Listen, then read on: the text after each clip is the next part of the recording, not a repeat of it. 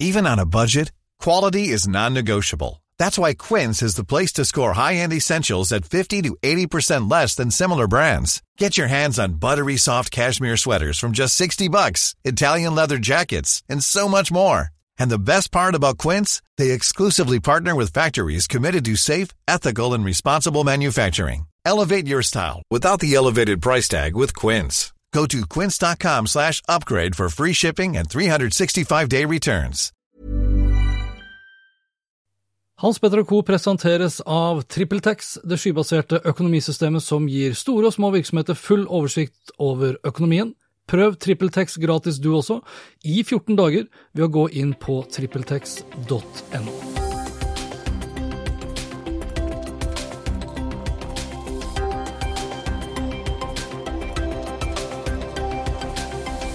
I denne episoden vil du høre mer om de store digitale hullene i tannlegebransjen. Norges største avis er samtidig en av Norges største omdømmetapere, og Facebook-gründer vil splitte opp selskapet. Velkommen til Hans Petter og co. Jeg heter Hans Petter, og denne episoden ble spilt inn onsdag 15. mai. Lenker til alt jeg snakket om, og øvrige innslag finner du selvsagt på hanspetter.info.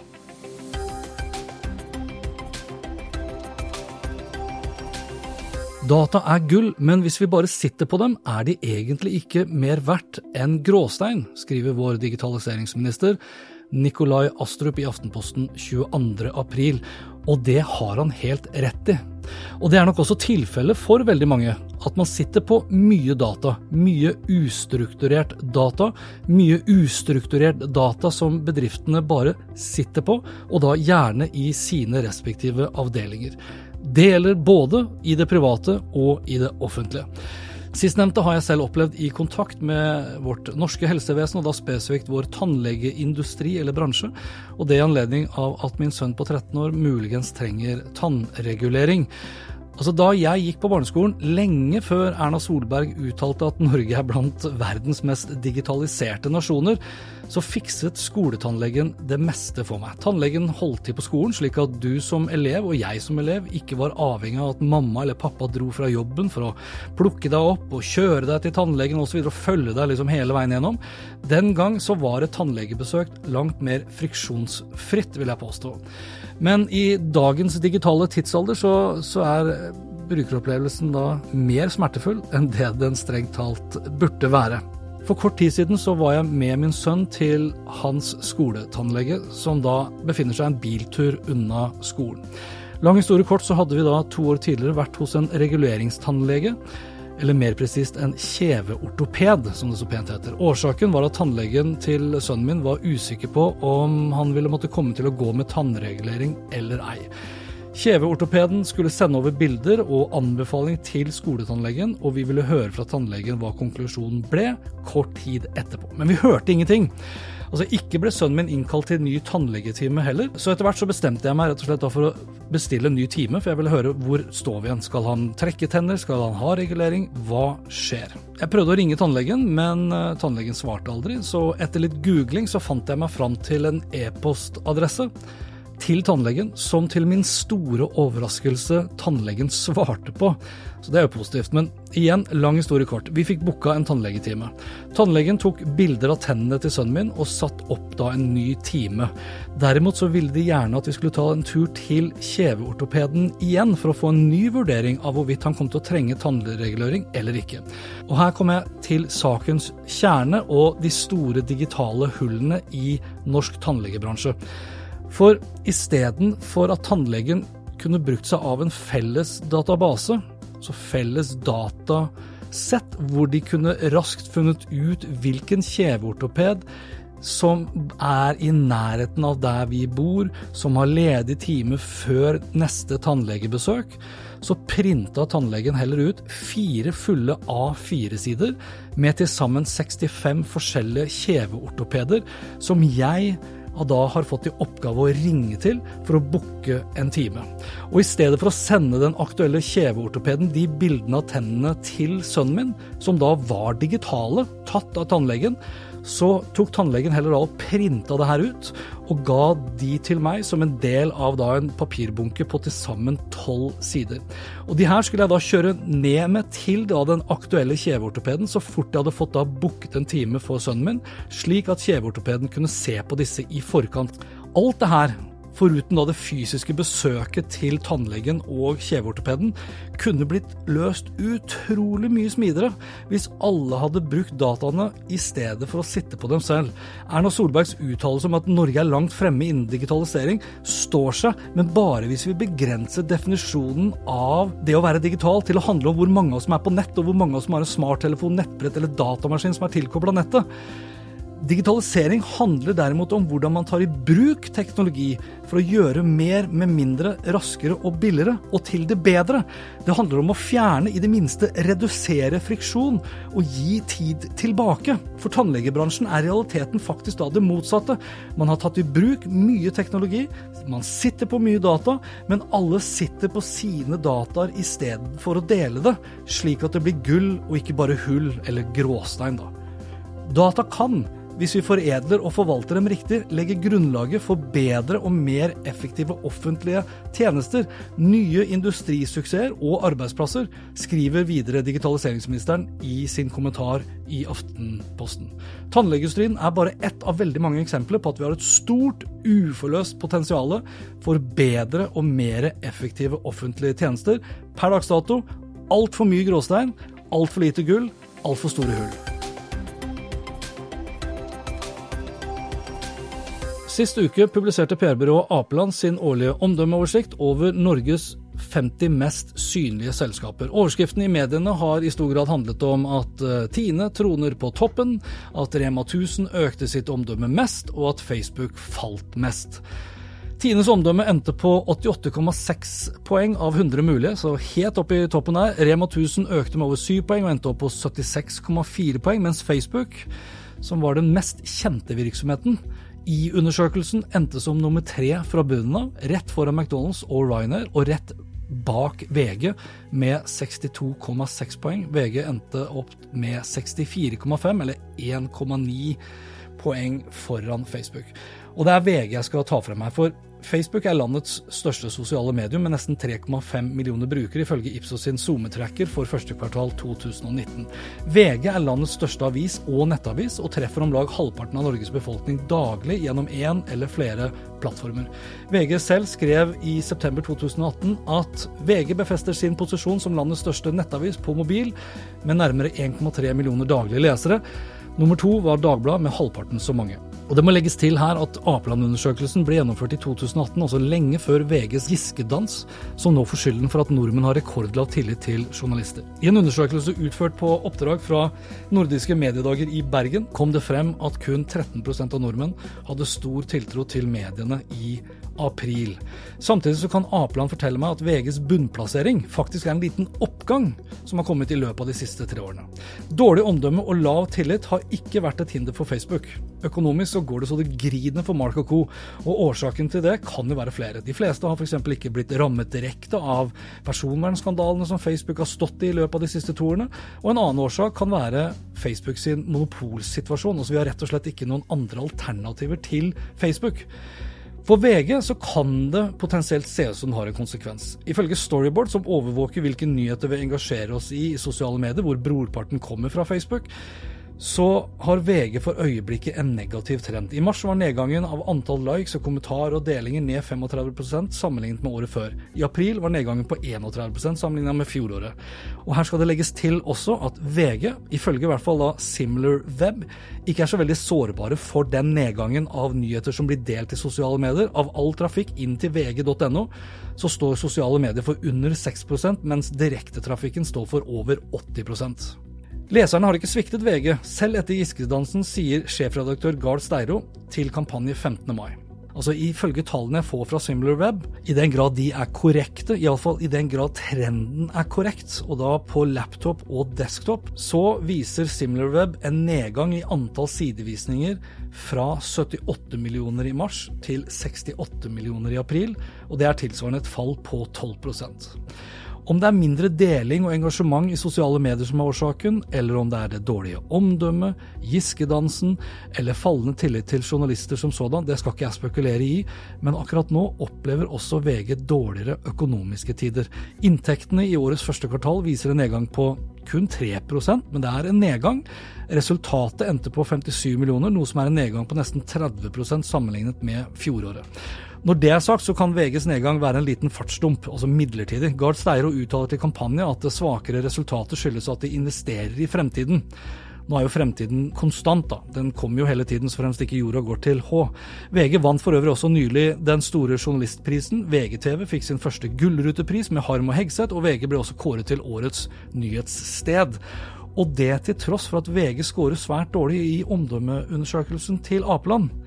Men sånn er det kanskje med omdømmemålinger. Vi liker dem ikke, men vi bruker dem gjerne. Antall nordmenn som bruker Facebook fortsetter å vokse, til tross for at vi åpenbart ikke liker eller stoler på Facebook. McDonald's går så det griner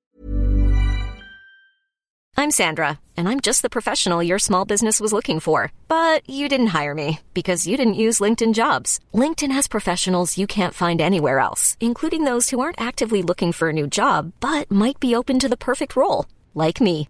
In a given month, over 70% of LinkedIn users don't visit other leading job sites. So if you're not looking on LinkedIn, you'll miss out on great candidates like Sandra. Start hiring professionals like a professional. Post your free job on linkedin.com/achieve slash achieve today.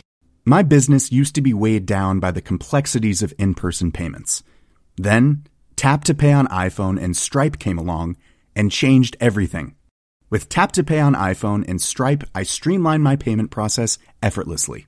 Now I can accept in-person, contactless payments right from my iPhone. No extra hardware required. What's truly remarkable is how I can cater to all of my customers' payment preferences. Whether they're using cards, Apple Pay, or other digital wallets, Tap to Pay on iPhone and Stripe ensure a smooth checkout experience every time. And it's not just me. Stripe helps businesses of all sizes, from local markets to global retailers, scale quickly and stay agile. To learn how Tap to Pay on iPhone and Stripe can help grow your revenue and reach, visit stripe.com iPhone. og fortsetter å åpne nye burgersjapper, til tross for at ikke vi liker dem heller. Og Ryanair, som kom på sisteplass i Apelands omdømmeundersøkelse, og det gjør de stort sett hvert eneste år, fyller fortsatt opp flyene sine fra Norge, til tross for at de er på verstinglisten for klimagassutslipp, behandler sine ansatte dårlig og yter jevnt over ganske dårlig service mot sine flypassasjerer. Så hva er moralen her? Jo, det er at det er stor forskjell mellom liv og lære. Det er på mange måter lønnsomt også å ha monopol, og titler som Har mindre sex, Netflix for skylden, PMS ødelegger parforholdet, Når dette skjer må du ut av forholdet, eller Jeg vil ha sex, men mannen min vil ikke. Det er saker nordmenn flest er villig til å lese, klikke på og til og med betale for å lese. Så cash er med andre ord fortsatt king, tillit og omdømme får vi heller ta hånd om senere.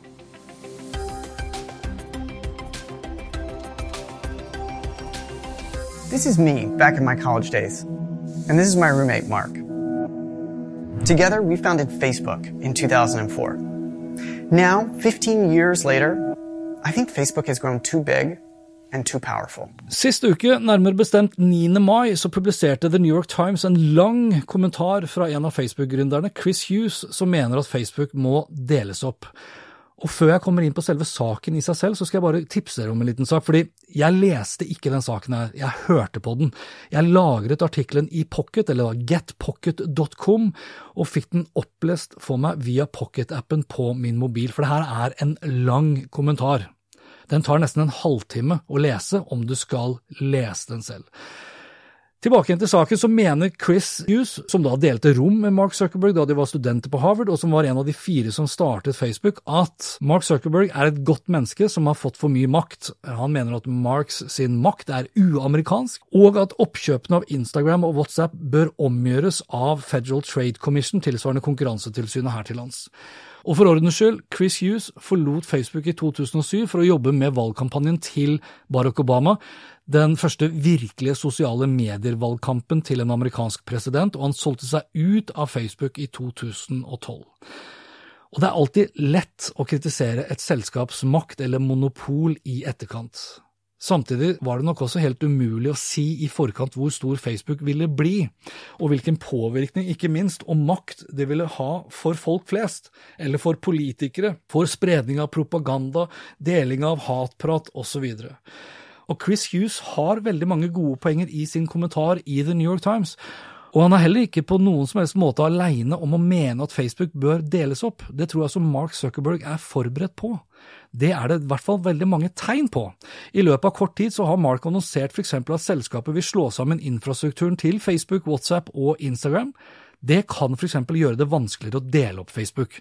I tillegg så har Mark også gått fra å være veldig antireguleringer til nærmest å hylle de samme reguleringene, og han har gått ganske nylig fra en visjon om at alle mennesker bør koble sammen for å skape en bedre verden, til at fremtiden nå plutselig er privat, og at samtalene mellom oss skal krypteres. It is our mission to try to help connect everyone around the world and to bring the world closer together. In order to do that, we believe that we need to offer a service that everyone can afford and we're committed to doing that. Endringen i, i visjonen og uttalelsene fra, fra, Mark kan jo selvfølgelig komme fra at dataen hans forteller at dette er veien det går, men det kan jo også tenkes at han har innsett at det er nødvendig å stå frem i et bedre lys av de respektive myndigheter som vil bøtelegge og regulere Mark og Facebook. Oppdelingen av Facebook kan umiddelbart virke som det eneste riktige å gjøre også. Altså Makten er utvilsomt enorm.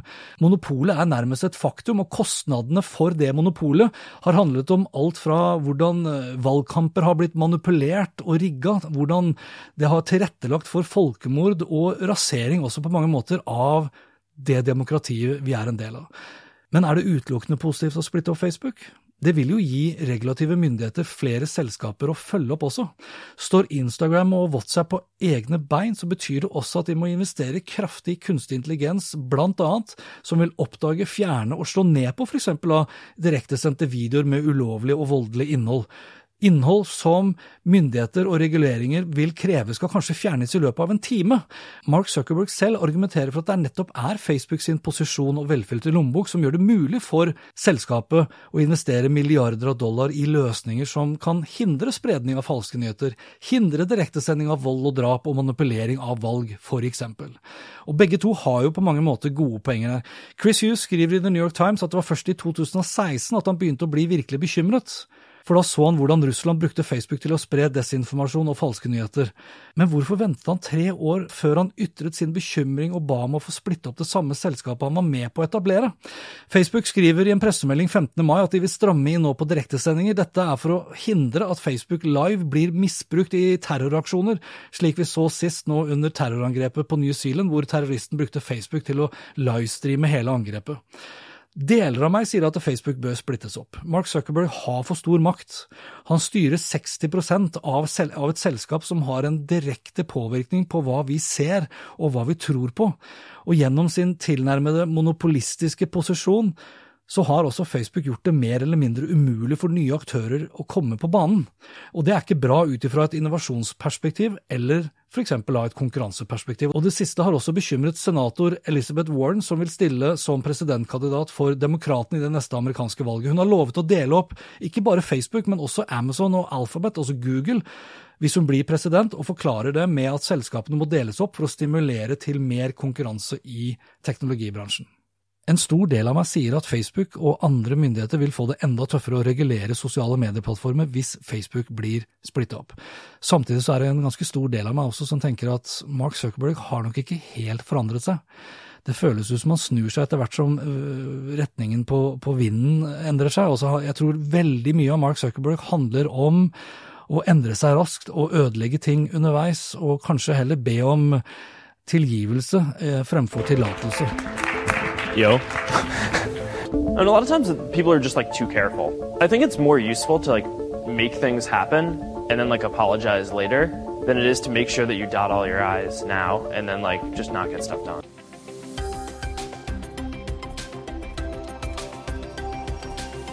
Avslutningsvis så skal jeg bare kort nevne et par kjappe overskrifter. Det norske quiz-selskapet Kahoot har på kort tid handlet EdTech-selskaper, Education Technology-selskaper, for over 200 millioner kroner. Først kjøpte de opp den norske mattelæringsappen Dragonbox for 157 millioner, for deretter å bla opp eh, ytterligere 57 millioner kroner for lesetjenesten Poyo. Regjeringen fjerner endelig moms på e-bøker, men nyheter blir ikke tatt imot med applaus, i alle fall ikke fra fagpressen. Regjeringen skriver at de vil likestille elektroniske utgivelser med papirutgaver, men ikke fritak hvis innholdet endres over tid og ikke følger en utgivelsesplan. Administrerende direktør i Mediebedriftenes Landsforening, Randi Øgrei, sier til Medie24 at regjeringens forslag til merverdiavgiftsfritak er lite fremtidsrettet, underbygger ikke innovasjon og lar ikke bransjen imøtekomme publikums behov. Digital publisering er dynamisk i sitt vesen. Som forventet, eh, iallfall fra min side, så var det gigantene som tjente mest på innføringen av GDPR. Skipsesjef Kristin Skogelund sier til Kampanje at annonsemarkedet er mer utfordrende, og vi ser at Google og Facebook har økt sine markedsandeler etter GDPR. Mens de i fjor på samme periode ble omsatt for 3,5 eh, milliarder kroner i reklame i det norske markedet, i løpet av eh, første tertial så endte tilsvarende tall på 3,31 milliarder kroner i år, skriver Medie24. Akkumulert for årets første fire måneder opplevde TV-reklamen en nedgang på nesten 10% Dagspressen fortsetter å falle, falt 9% mens internett også falt 1,2 og som om ikke markedsandelene til Facebook og Google er store nok, så vil de selvsagt ha mer. Snart så kan vi vinke farvel til den deilig hvite hjemmesiden til google.no, iallfall på mobil og som mobilapp, for nå planlegger Google å hente reklameinntekter fra førstesiden sin også. Inntil åtte annonser vil snart dukke opp, og Google selv sier at dette ikke handler om konkurranse, men om hva vi som brukere forventer og krever. Uh, ja. Amazon har lenge benyttet seg av roboter som plukker varer på sine lagre, slik flere andre norske retailere og nettbutikker også gjør. Nå lanserer derimot Amazon en robot som skal pakke varene i tillegg. Robotene skal erstatte 1300 ansatte og betale seg selv i løpet av en toårsperiode. Og sist, E24 skriver at Huawei tar steget over fra selskapssegmentet til forbrukersegmentet. Det har de gjort da for lenge siden. Altså, de har jo solgt millioner av smarttelefoner, smartklokker, nettbrett og laptops. Men anyway, det Huawei planlegger å lansere nå, er en TV som er utstyrt med 5G, og den vil komme på markedet allerede i 2019. TV-en vil ha støtte for 8K-oppløsning, og siden den er utstyrt med 5G, så vil den ikke kreve fiberoppkobling eller en egen dedikert TV-boks, og rosinen i pølsen, i tillegg så vil den kunne fungere som husets bredbåndsruter. Og dette var det for denne gang. Likte du det du hørte, og vil forsikre deg om at du får med deg de neste episodene, da kan du abonnere på Hans Petter Co. på Apple Podcaster. Ellers er podkasten også tilgjengelig på Spotify, Google Podcast, Overcast og TuneIn Radio, i tillegg til selvfølgelig Acast. Inntil neste gang, vær nysgjerrig, for det er den beste måten å møte vår digitale fremtid på.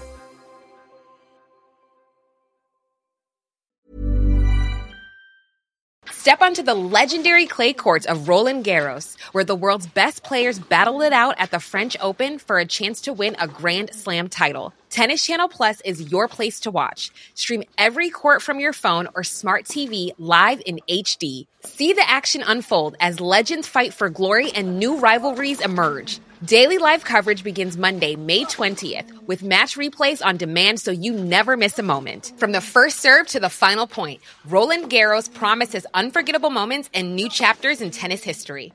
Stream now with Tennis Channel Plus to be there when it happens. My business used to be weighed down by the complexities of in person payments.